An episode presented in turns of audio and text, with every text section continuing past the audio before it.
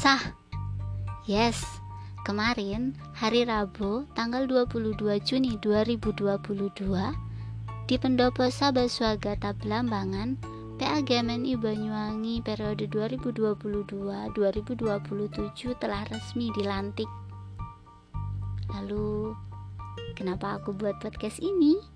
Tentu saja, karena Hun ingin mengucapkan selamat kepada penulis trilogi Gandrung Kemiren kita yang terkasih yang telah terpilih sebagai pemegang tongkat komando PAGMNI Banyuwangi yang baru. Ya, betul ialah Hari Prianto atau Bung Hari PR.